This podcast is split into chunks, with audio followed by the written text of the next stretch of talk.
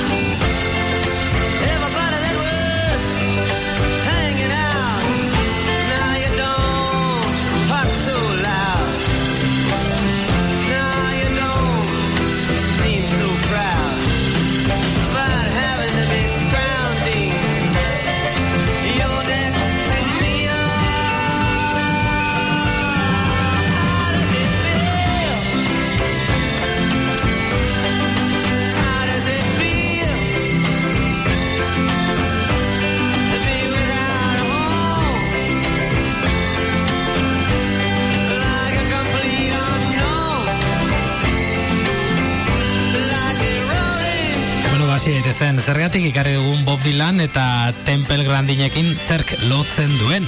Ah, ah. bueno, zer misterioa. Misterioarekin hasi gai dugu aste honetakoa.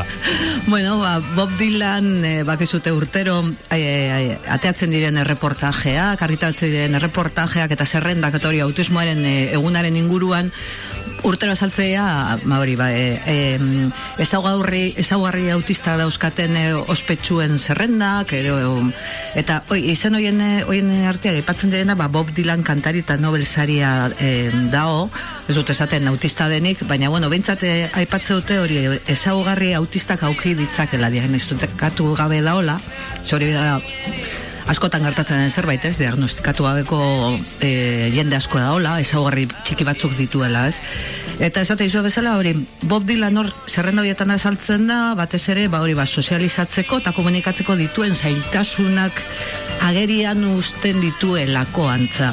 Baina esate izute zerrenda horietan e, izen asko hartzen dira, hori genio askoen artean, Albert Einstein, Mozart, Beethoven, e, Stanley Kubrick sinema zuzendaria baita ere, Mike Phelps baita ere, eta esate izuan bezala, hori diagnostikatuta ez daude, e, horietako asko, askok bai, baita ere, ze autismoa bakizu horren dela urte gutxi e, azizan e, zautzen eta finkatzen diagnostikatzen, baina bueno, nik esango nuke gutaiko askok ditugula autismo ezaugarri batzuk. Mm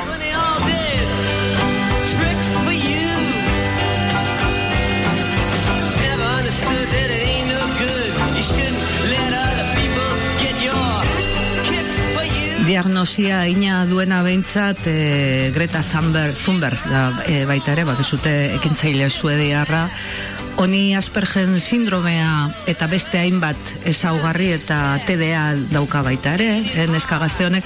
Eta bueno, okerri izan dugu Tempel Garandin gurera pixkat autismoa e, ezaguta arazteko, gertutik ezautze dalako, nik aitortuko izuet ba autista dauka dala baita ere.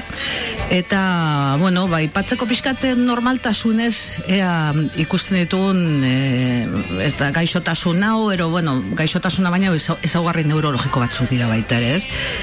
Gaina oso deigarri entzat, egin ba, Madrileko bilkura en horre inguruan klimaren bilkura inguruan Greta Thunbergen inguruan sare sozialetan eh aipatu diren hainbat irain eh hori autista delako eta bueno pixkat e, parra iten zioten eta trufa baita ere, ba, neskatia alde batetik kritikatzen zioten, ba, hori, e, eskola utzi duelako eta horretan ba, pixka manejatu izan dalako, teorian, ez, komi artean, eta gero bestaldetik baita ere, ba, hori, aipatu izan bere autismoa pa, pixkat parra iteko, ez, paso, e, konzentrazio itxura dauka, oso neskaserioa da baita ere, eta hori da, ba, bueno, bere ezaugarrien gatik eta bueno, ba, e, kontua zea da, aipatu duguna, ba, ezberdinak direla, autismoa daukatenek, baina bak oso gertatzen den eh, desberdina den jendearekin, ez dala oso ondo ikusia, baina beti zerbait berezi daukate.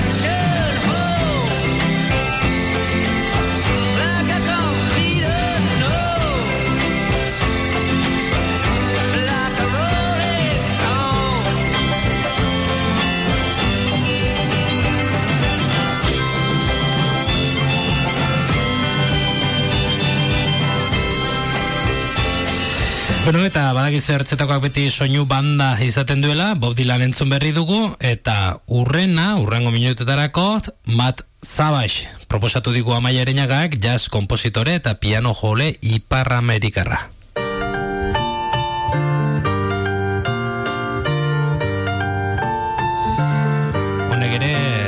Historioa ipagarria bere bizitzan. Bai, genio, genio bada, o autista da, mutiko, e, mutila, bueno, gizona da, da, honeko, eta sortzi urte ditu, mat zabase, eta gaur egun jasaren izar e, berri hoietako bada, e, kristorako lorpena izan du, ze hau txikitan e, ezin zuen musika, ez musika, ez e, soinua jasan. Hiru urte zituela, normalean hiru urteekin eta e, agertzen dira e, autismoaren ezaugarriak aldaketa badau aurrengan, hiru urte betetze dituztenean, eta mat sabasi e, berdina gertatu zitzaion, hiru urte bete zituenean, garapen nazte orokor bat diagnostikatu zioenten, e, eta funtzionamento handiko autismoa zeukan. Hau da, ez zuen hitzeiten, osea, hitzeiteko e, aleina ero aukera e, galdu zuen, gero etzan besteekin ondo erlazionatzen, e, harremen eskazia zeukan baita ere, eta gero zeukan autismoa daukan zaugarri, e, zaugarri bat guztia daukatena, da... E, e, sobredosi sensoriala bezala izate ditu, izaten zituen. Arazoa zeukan musikariekin eta doinoekin. Eta orduan zein zuten, ba, e, lau urtetan, e, terapia intensibo bat entzioten, soinuarekin eta musikarekin, eta sei urte zituenian, ba hori, ba, terapia horrekin hasi zen e, soinuarekiko sentirko dortasuna sentitzen, ez zuen zerbait arrotz bezala sentitzen, baizik eta e, onartu entzuen, eta ara nun bukatu zuen, ba, musikoa bihurtu zen, itzeiteu, baita ere, eta gota sortzi urtekin e, jaz alantzen du eta oso mm, jaz e, alaia eta oso martxoso oso politia Bueno, Mat Shabash hori eta ez, aipatzen zen egun Tempel Grandinen historiak baduela antza eh? bai, bere bizitzarekin. Bai, e, autismoaren munduan Tempel Grandin da oso personaje mitikoa e, gaur egun irurogeta mabi urte ditu eta mat zabasekin eta beste hainbat e, aurra autistekin e, zer ikusia du ze, ze oso txikitatik e, Tempel Grandin batez ere oso aste, sei ebetekin, azizean kontratu ziren, e, ja lehenengo zantzuak zitura, umia zala norma erlazionatzen, ez zala e, ba, ez zuen errekzionatzen, arrarua ze gehienen bat neskak eta mutia gode, baina batez ere mutilei, e, da okia, autismoa batez ere mutiletan ematea. Hau Tempel Grandin e, Bostonen jaiosan, e, eta zate zuen bezala hiru urtekin, ja sei, ur, sei ebetekin hasi zean kontuatzen eta ja ur, hiru urte bete zituenean ja kontuatu ziren e, arazoren bat zeukala. Orduan autismoa esan diagnostikatzen gaur egun bezala eta garuneko kaltea zeukala e, esan zieten bereien gurasoei. Baina ara non e, pelikula bat dago Temple Grandinen inguruan, biotip antzeko bat, eta oso bitxia da ikustea, ba, bela, berak nola zelan handia intzuen, baina batez ere bere gurasoek baita ere, ez? Eta Temple Grandinek aukizuen momentu bat olan e, bapatean mundu argitu zitzaion amasei urtekin Arizonara osaba baten e, abeletxera juntzanean oporra pasatzea, eta bertan behiak ikusi animaliekin hasi zan oso ondo relacionatzen, animaliekin ere terapiantzeko egiten da baita ere, autistekin, eta han makina bat asmatu zuen. Kontu, etorri zitzaion nola ideia, eta ikusi zuen nola e, behiak e, lasaitzeko, horrelako antza bi plaka metalikoen artean sartzen omen dituzte, eta dutzen dituztenean, urduri daudenean, eta e, lasaigarria gertatzen zitzaien. Orduan, presio horrekin erlasaueten ziran, eta beha pentsatu zuen ea zeraiti bera, bera ezitzaion funtzionatuko. Ze autismoarekin gertatzen da baitaren nervio asko pasatze dituztela, dakate trastorno ba, normalean kontrola ezineko sensazioak eta eta barneko ezin egona izate dute, ez? Eta ba, beak tempelek e, lasaitzeko kaxa bat asmatu zuen, da kaxa antzeko, hola, kaxa bat e, pelikulan ikusten da, eta gero interneten badauzka zute irudia baita ere, barrutik latesekin, eta oso urduri jartzen zanean, eta zuenean bere gorputza kontrolatzen, horrek esan nahi zuen, gero baita ere etzin zuen lanik egin, ezin zan konzentratu, eta orduan kaxan sartzen zan, eta erlaxatu iten zan, ez, lasai garria zan. Eta animaliekin oso lotura berezia daukaten pelek, e, gaur egun e, bera da pentsa, eh, zuen ondo hitz egiten eta nolako esan eska zologa da, etologa baita ere, e, animalien portaera ikertzen duen e, biologiaren e, biologiaren adorrepa da. Gero animalien hiltegien diseinatzailea ze lasaitasun ez hiltzeko, erogoso hiltzeko alako ba, kasa antzeko batzuk asmatu zituen baita ere, eta gero Koloradoko estatuko unibertsitateko irakaslea izan da. Animalia zientzitan doktoratua, sekulako, oza, mire, mirezgarria izan da tempelen, e, tempelekin duen lana. Gero jaskeran ere oso bitxia da, oso personaje e, bitxia da, beti bakeros jantzita jutea. Ile motzakin, itzeiteko oso modu e, bortitza du hitzeiteko baita ere ikusten baldin baduzu eta eta ba hori autismoa ikertu dutenen artean ikerketa asko india baina oso interesgarria da beak idatzi zuen e, biografia baita ere ze lehen aldiz e, e, autistek ze sentitzen zuen adira zuzuelako mm -hmm. one, two, one, two, three, four.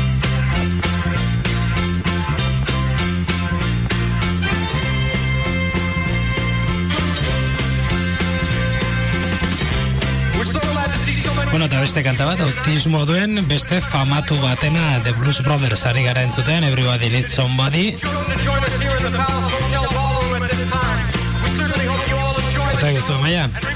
Bueno, tan aikro, eh, amabi urte zituenian, ja turet eh, sindromea diagnostikatu zioten, e, turet ezagutuko duzu zer den da tikantzeko batzuk e, batez ere erabaizaroan eta eta hortzaroan agertzen dira. Eta batik antzekoa dauzkate eta gero ez dute kontrolatzen ez da ere e, esate duten ba, irainak izan ditzakete eta da gauza pixka kompulsibo ez?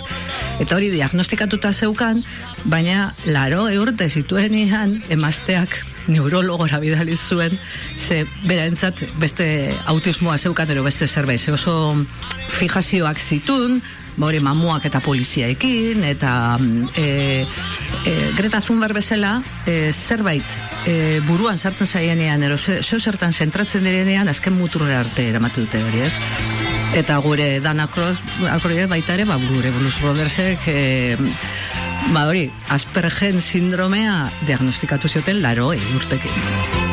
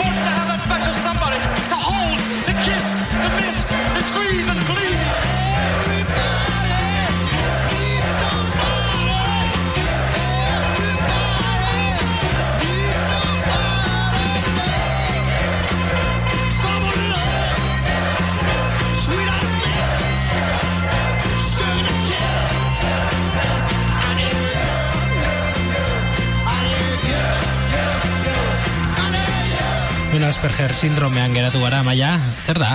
Bai, bueno, atzo e, Twitterren ikusi nion bati e, autismoarekin lotura daukana ez dut, e, ez da izen zan, eta ipatzen zuen Aspergen e, sindromearena ez genukela erabili behar, nik ez nekien, baina Aspergen omentzan e, meiko nazi bat, eta konzentrazio esparruetan aur autistekin e, egin zituen ikerketen arabera hortxeat azamara Aspergen sindromea eta bere izena daraman sindromea.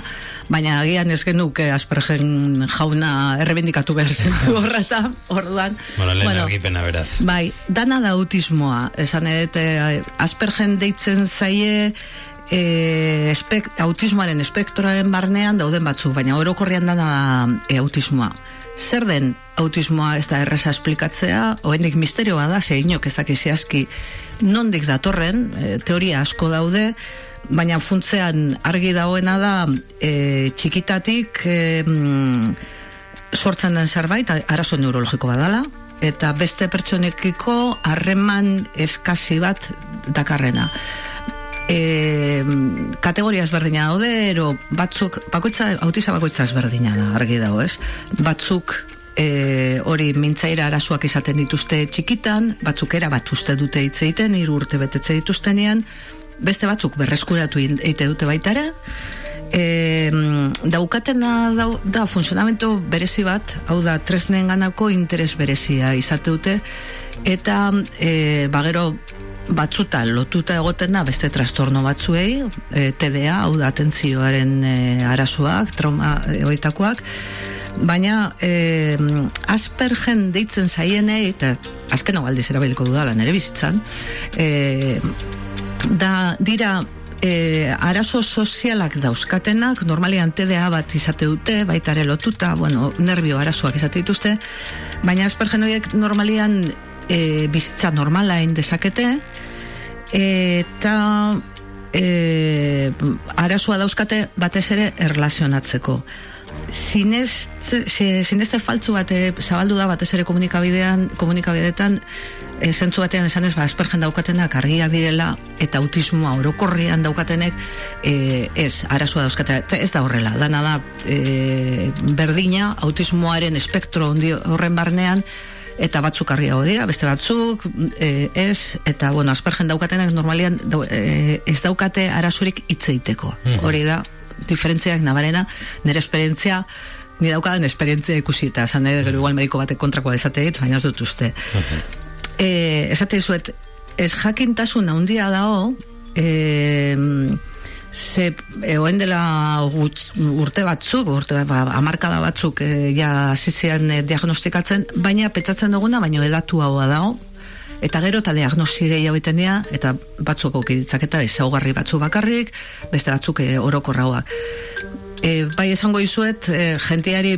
pixkat, e, beldur pixkat emate io, autisteken erlazioa izatea, eta ba, ez jagintasuna, ez? Zan, eta bueno, egiten antolatzen dira, ba, gautena gipuzkoa mesela, gautena da gipuzkoako elkartea e, autistena. E, antolatzen dira jaiegunak, eta gauzak, eta e, gomendatuko nizueke, bertaratzea, ze oso interesgarria da beraiek ezautzea, gertutek ezautzea, ze mundu ikusteko beste modu daukate. Mhm. Eh?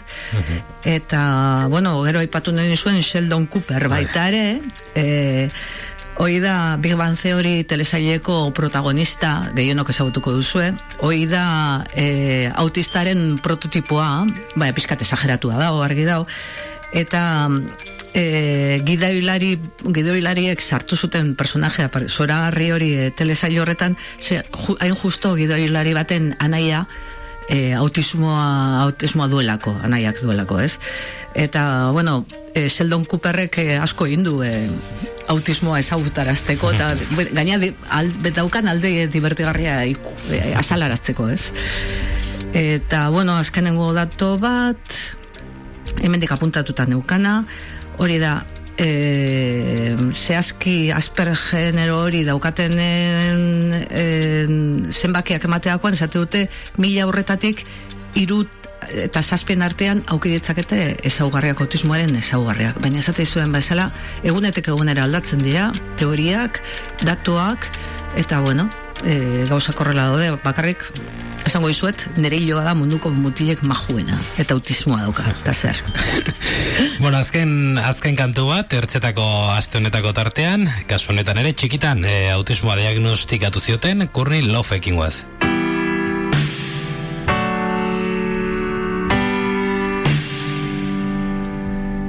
Izen ezagun asko ekarri ditugu, eh? E, ah, eske, bai, bai, bai, eta bai. jende asko da. Bai, bai. honi kurni lofi, e, behatzi urterekin e, diagnostikatu zioten autismo modu harinean. Hau da, itzeiten, itzeiteko aukera zeuka, baina erlazionatzeko arazoak zitun, gero urdunitasunak, eta gero, bueno, hau bak zein den, kurko benen e, emazte, emaztea, bueno, larguna, eta bera labaren ama, eta bizitza gaztara osailoa izan zuen, familia arazoak izan zituen baita ere, eta bueno, seguruenik izango zen, nez eta agnostikatu izan, ba, ba arazoak zikut zituelako, ez?